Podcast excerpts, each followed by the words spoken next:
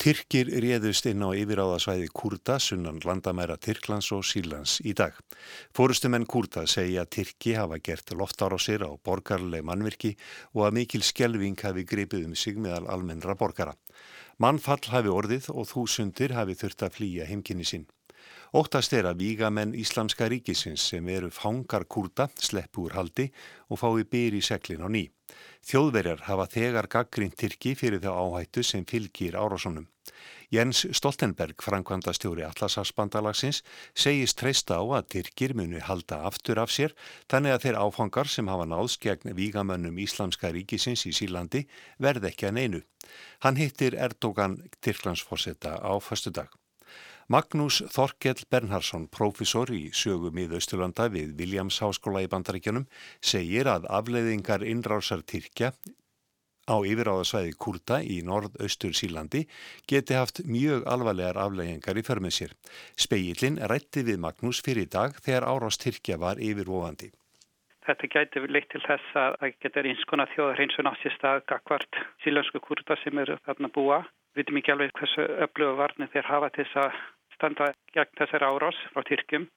Öðurlegi þá eru sílenski kurdar þeir sjá um fangabúðir það sem lismenn íslenska hersins hafa verið fangaður og hugsanlegt að þessir fanga verið þá leitt úr haldi og láta þá til skara skriða bæði gagvar kurdum og öðrum hópum innan Sýrlands og í Írak. Þannig að þetta kemur til með þá kannski að auka mátt í Íslamska ríkið þannig að Þetta getur haft mjög alvarlega aflenga fyrir kurtana, þetta getur aukið vegferð Íslandska ríkisins og getur líka leitt til þess að önnu ríki færi að skipta sér enn frekar að þessari málöfni Sýrlands. Hvernig koma bandarík stjórnvöld til þess að bregðast við þessari stöðu? Bandaríkjumenn eru ekki með umtalsvært herlið þarna í Sýrlandi en þeir hafi verið sko, stöðningsmenn sílensku kurtan hafi stuttað með ráðum og dáðum og þetta hefur verið mjög svona tákgræn og salfræðilega stunningu fyrir kurda og sílenska kurdana og með því að lýsa þessu yfir að þeir sé að draga þarna út frá þessu svæði og líka með því að gera með þessum hætti sem kemur öllum á óvart og þá er þetta mjög óábyrt og þá er setur þetta ástand sem var tegar freka veikvæmt, þá er þetta bæta ólíja á þennan eld og bandaríkjumenn hafa í raun og verið ekki í veiga miklu hlutverki þarna en þetta er fyrst og fremst svona takkurætt stuðningur og þetta gæti leitt til þess að aðra þjóðir eins og Tyrkir líti á þetta sem grænt ljós að þeir geta bara látið þetta skara skrýða og gert raun og verið það sem þeir vilja og ætlast til. Þannig að uh, þeir eru að svolítið svona opna dyrna fyrir hinn og þessa hópa til þess að auka mátt sinna en frekar. Hvernig heldur að eh, málinn þróist þarna núna, ég bara næstu daga og, og næstu vikur? Það er svo vonlaust að spá fyrir um það því að það er svo margir aðilar sem eru þarna komnir inn og eru sífælt að breyta um stefnumál og hverju þeir eru að vinna með og, og, og á móti. Það sem er ekki ólíklega að gerist er að það kemur til með að vera umtalsvegar flóttamann að flóttamenn komið til með að flýja til Tyrklands frá Idlib hér aðeinu til dæmis. Það, getur, það er sennilegt að sýrlensk jórnveld láti til skara skrýða. Það er ekki ólíklegt að rússar og, og sátar fara að skipta sér þarna inn. Eh, Íranir eru líka að fylgjast mjög náðu með þessari stöðu. Það er svo margir aðila sem eru með ykkvera hagsminu og umtalsvara hagsminu í Ísirlandi, æði eh, stórveldi og stórveldi á svæðinu og þannig að þetta er bara einn ein stort spurningamerki og Það sem er kannski eina sem við vitum fyrir vísta er að, að sakleysir borgarar uh, og bara vennilega borgar í, í Sýrlandi bæð hvort sem um er að Araba eða Kurta komið til með að vera fornalömp en frekar á, næstu vikum og mánuðum eða vald. Vegna þess að allt bendi til þess að þessi átök sem hafi verið hörð menn harna en frekar. Þannig að þetta er ískikileg staða?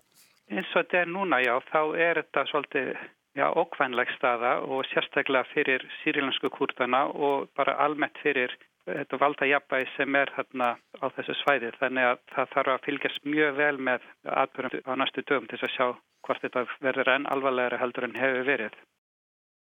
Þetta var Magnús Þorkell Bennarsson.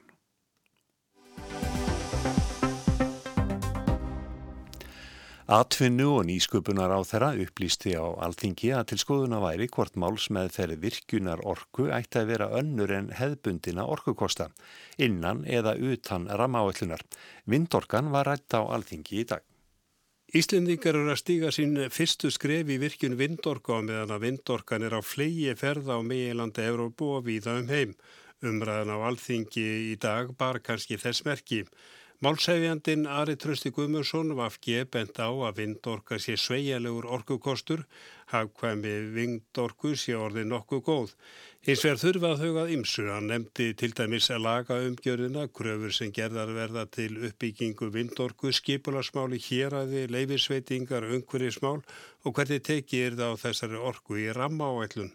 Ég til að var brínt að visslun vindorku sem getur komið til greina og hefur áhrif á aðrar virkjanafyrirætlanir lúti lögum og skipulagi sem eru á forræði ríkisins í samvinnu við sveitarfélögin og í eh, samræmi bæði við orkustefnu þegar hún kemur fram og orkuþörf í landinu hverju sinni.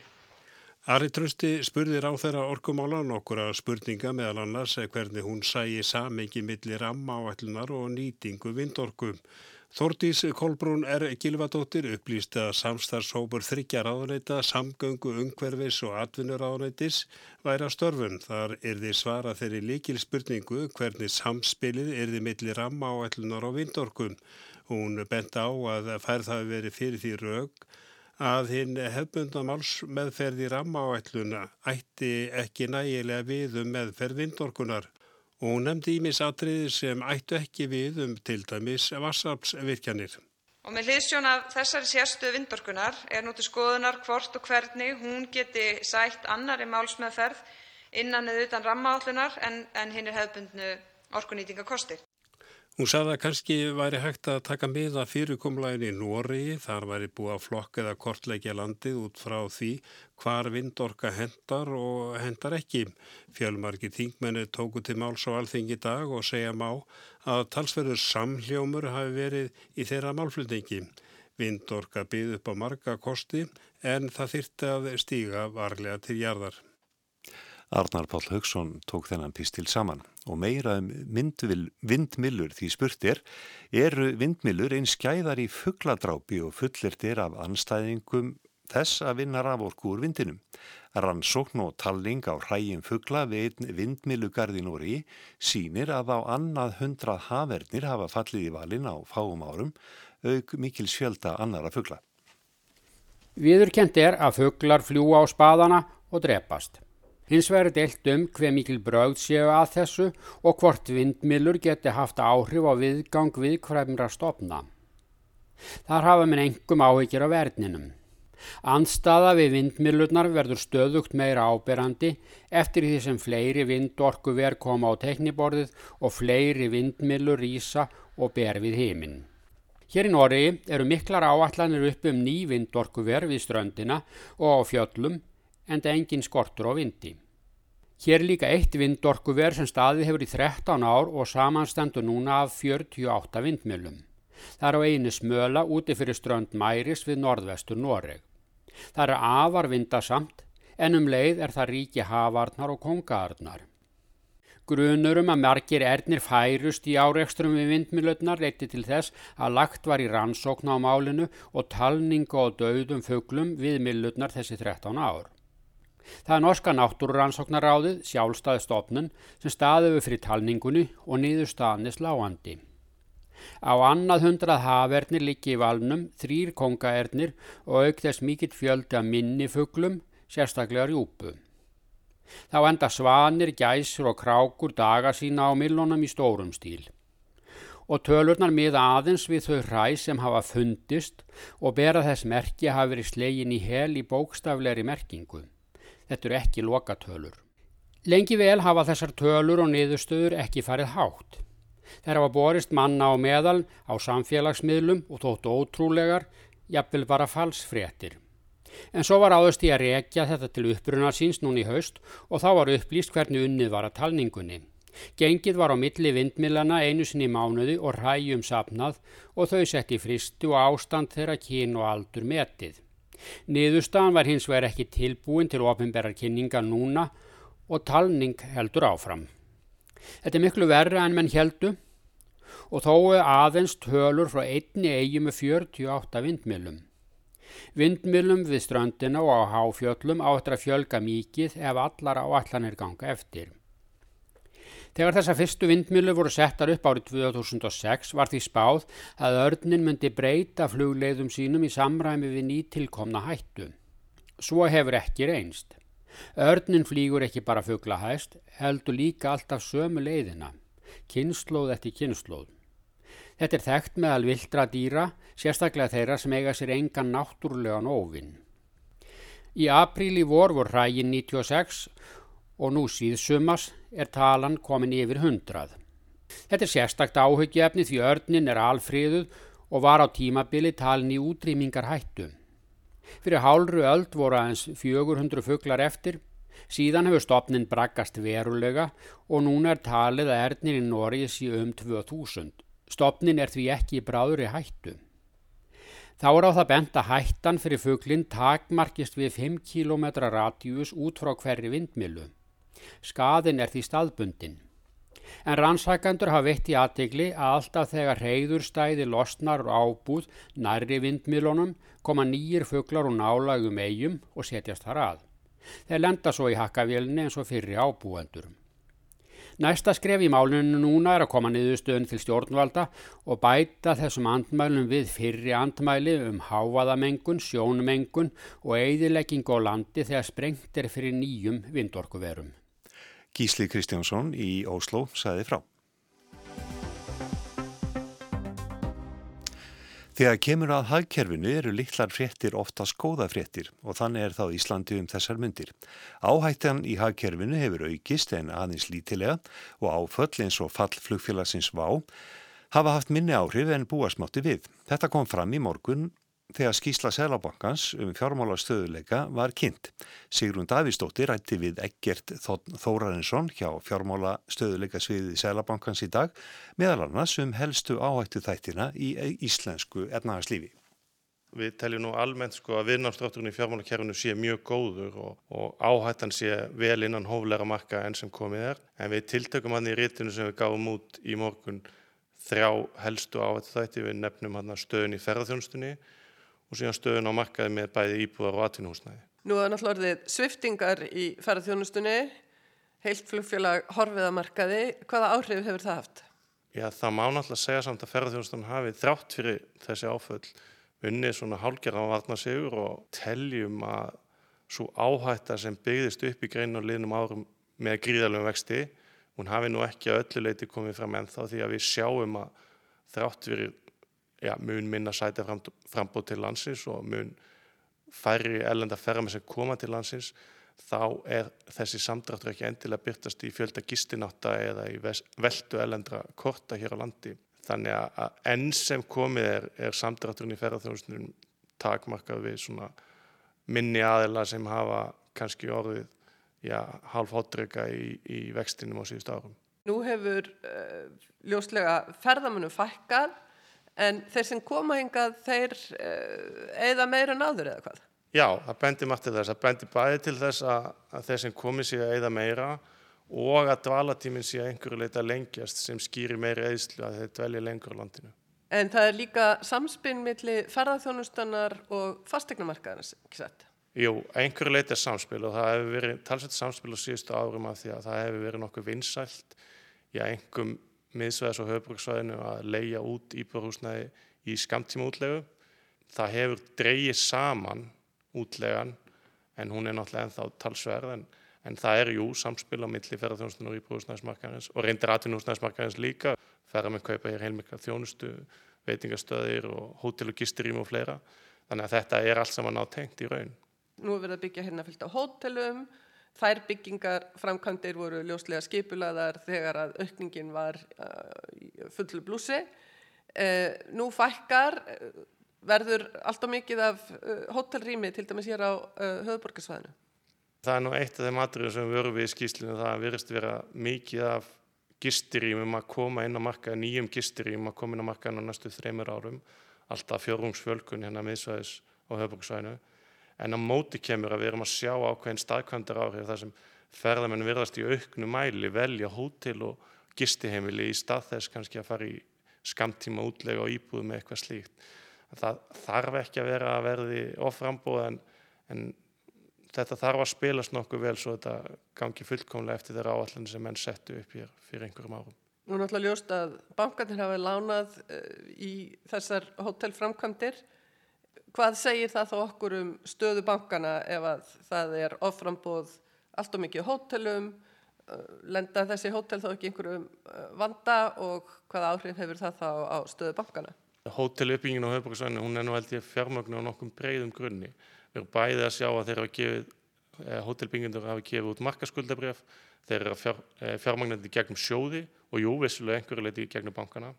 Yfirleitt er nú fyrir fjármálastofnarnir þá er steipan tryggasta veðið, þannig að þetta er nú kannski ekki það sem myndir hrykta veruleg stóðum fjármálafyrirtækjana og, og almennt sé að þá telli við nú að bankakjöru hérna sé mjög stert og mjög há eigin fyrir hlutvall og hafa borð fyrir báru ef það kemur til þess að þurfa að afskrifa eða færa varðafæslu út af einstakar liðum. Ef við lítum að þess á bankana, arðsemi íslensku bankana er nokkuð sem oft er rætt og þá verður að bera saman við Erlendabanka. Hver er arðsemi íslensku bankana í samanbyrðu við Erlendabanka? Það veldur aðeins á hvað arðsemi út að tala um. Við erum að sjá arðsemi á heildaregnum hjá íslensku bankunum. Hún er mjög sambarlega, er reynda bara mjög góð í eurósku samanbyrði. En á móti kemur arðsemin á eigin fyrir kannski já, aðeins fyrir neðan með alltal. Það skýrist að stórileita því að íslensku bankunir eru mjög vel fjármagnar. Þeir eru með há eigin fyrir hlutvöld og hafa gott svýrum til að bregðast við aðstæðum. Það er ekki alveg sama staðan út í Európu. Þannig að einhverju leiti skýrist lág arsemi á EIF og íslensku bönkunum af því hversu vel fjármagnar þeir eru. Finnið þið fyrir einhverjum þrýstingi frá bönkunum um að lækka þessi eiginfár hlutull? Enn sem komið er eiginfár hlutullin á könnu fjármála eftirlitsins að mestu leiti en, en kannski eftir áramót þegar við erum búið samin og stofnunum þá minnum við finna fyrir því. Taland um banka, uh, viðskiptavinnir bankana uh, hvarta gætnan yfir háum vöxtum og, og hátt vakstasti og Íslandi hefur verið til umræðu skila vakstalækkanir sér nóg rætt út til viðskiptavina? Já, við erum að sjá sko að lækkanir á meginvextu og sælabankans hafa skila sér mjög fljótt út í markasvexti. Bankanir hafa líka lækka sína vexti en það verður að hafa í huga að svýrum bankana til vakstalækkana er einhverju leiti takmarkað. Ef þeir munu lækka vakstaminni sem verulega þá mun það koma niður á arseminni.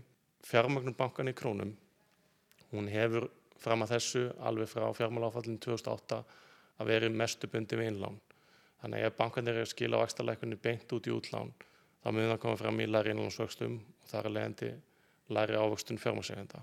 Bankanir hafa fram að þessu farið svona bilbeggja þegar hafa að skila vaxtalækunni einhverju leiti og okkur sínist nú að vaxtalækunna sé að miðlast þokkarlega út í útlánavexti en það er misjant eftir lánaflokkum kannski betur í betur veðtrið útlán eins og húsnæðislán og kannski minna út í neyslulán eins og yfirdrátt. Óbundin innlán, þau eru fann að nálgast bara 0% vexti og við erum að reynda að sjá út í Evrópu, Credit Suisse, Dönsku bankanir einhverju leiti, þeir eru fann að vera með neikvæða vexti á staðstu innlánseigandur einstaklinga. Þeir hafa náttúrulega verið með fyrirtæki mjög lengi. Við erum ekki komin undir þetta hérna heima. Almenningur er ekki tilbúin í þetta, að það kosti að geima fjármunni. Þannig að ég held að vaksta gólfi á einlánu sé 0% og bankandi nálgast það mjög hrætt, sérstaklega óbundi við nánu. Sko. Þannig að við höfum ekki eftir að sjá neikvæða vexti hér eins og, eins og viða Erlendist, Danmörku og viðar. Á innlánum hugsa ég að vera einhver byggða því enn sem komið er. Ef það vera neikvæða vextur innlánum, þá sýnir það að hagkerfið sé að hæja á sér eða á leðin í samdrátt. Og við meðum ekki glema því sko þá að fólk hafi almennt séð á móti vöxtum, þá sína vextir almennt í hagkerfinu og hagkerfinu gengur þokkarlega, atvinnustöðu hátt og svo framvegis. Neikvæði vexti sína lækandi atvinnustöðu, samdrátt, minnir ástönduntökjur heimilum og svo framvegis. Þannig að almennt séð ætti það að koma heimilum og fyrirtækjum vel á axtastíði sí allavega yfir nulli. Þetta var ekkert Þótt Þórarinsson, Sigrun Davíðsdóttir rætti við hann. Og það var allra helst í speklinum að innrást Tyrkja í Síland er hafinn yfirvöldi fjölda Európuríkja fordæma innrásina. Fjallaverur ítalega um þetta mál í sjómanfréttum klukkan 7. Það er ekki fleira í spekli kvöldsins. Markus Hjaltarsson sendi út veriði sæl.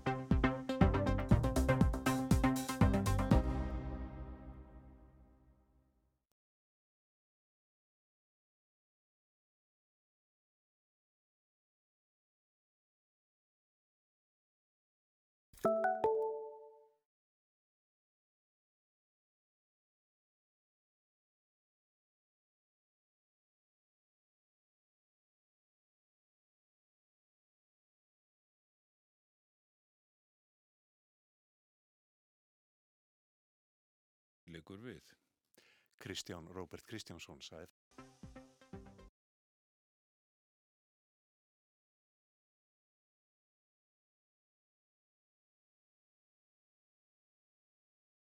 Markus Hjaltarsson sendi út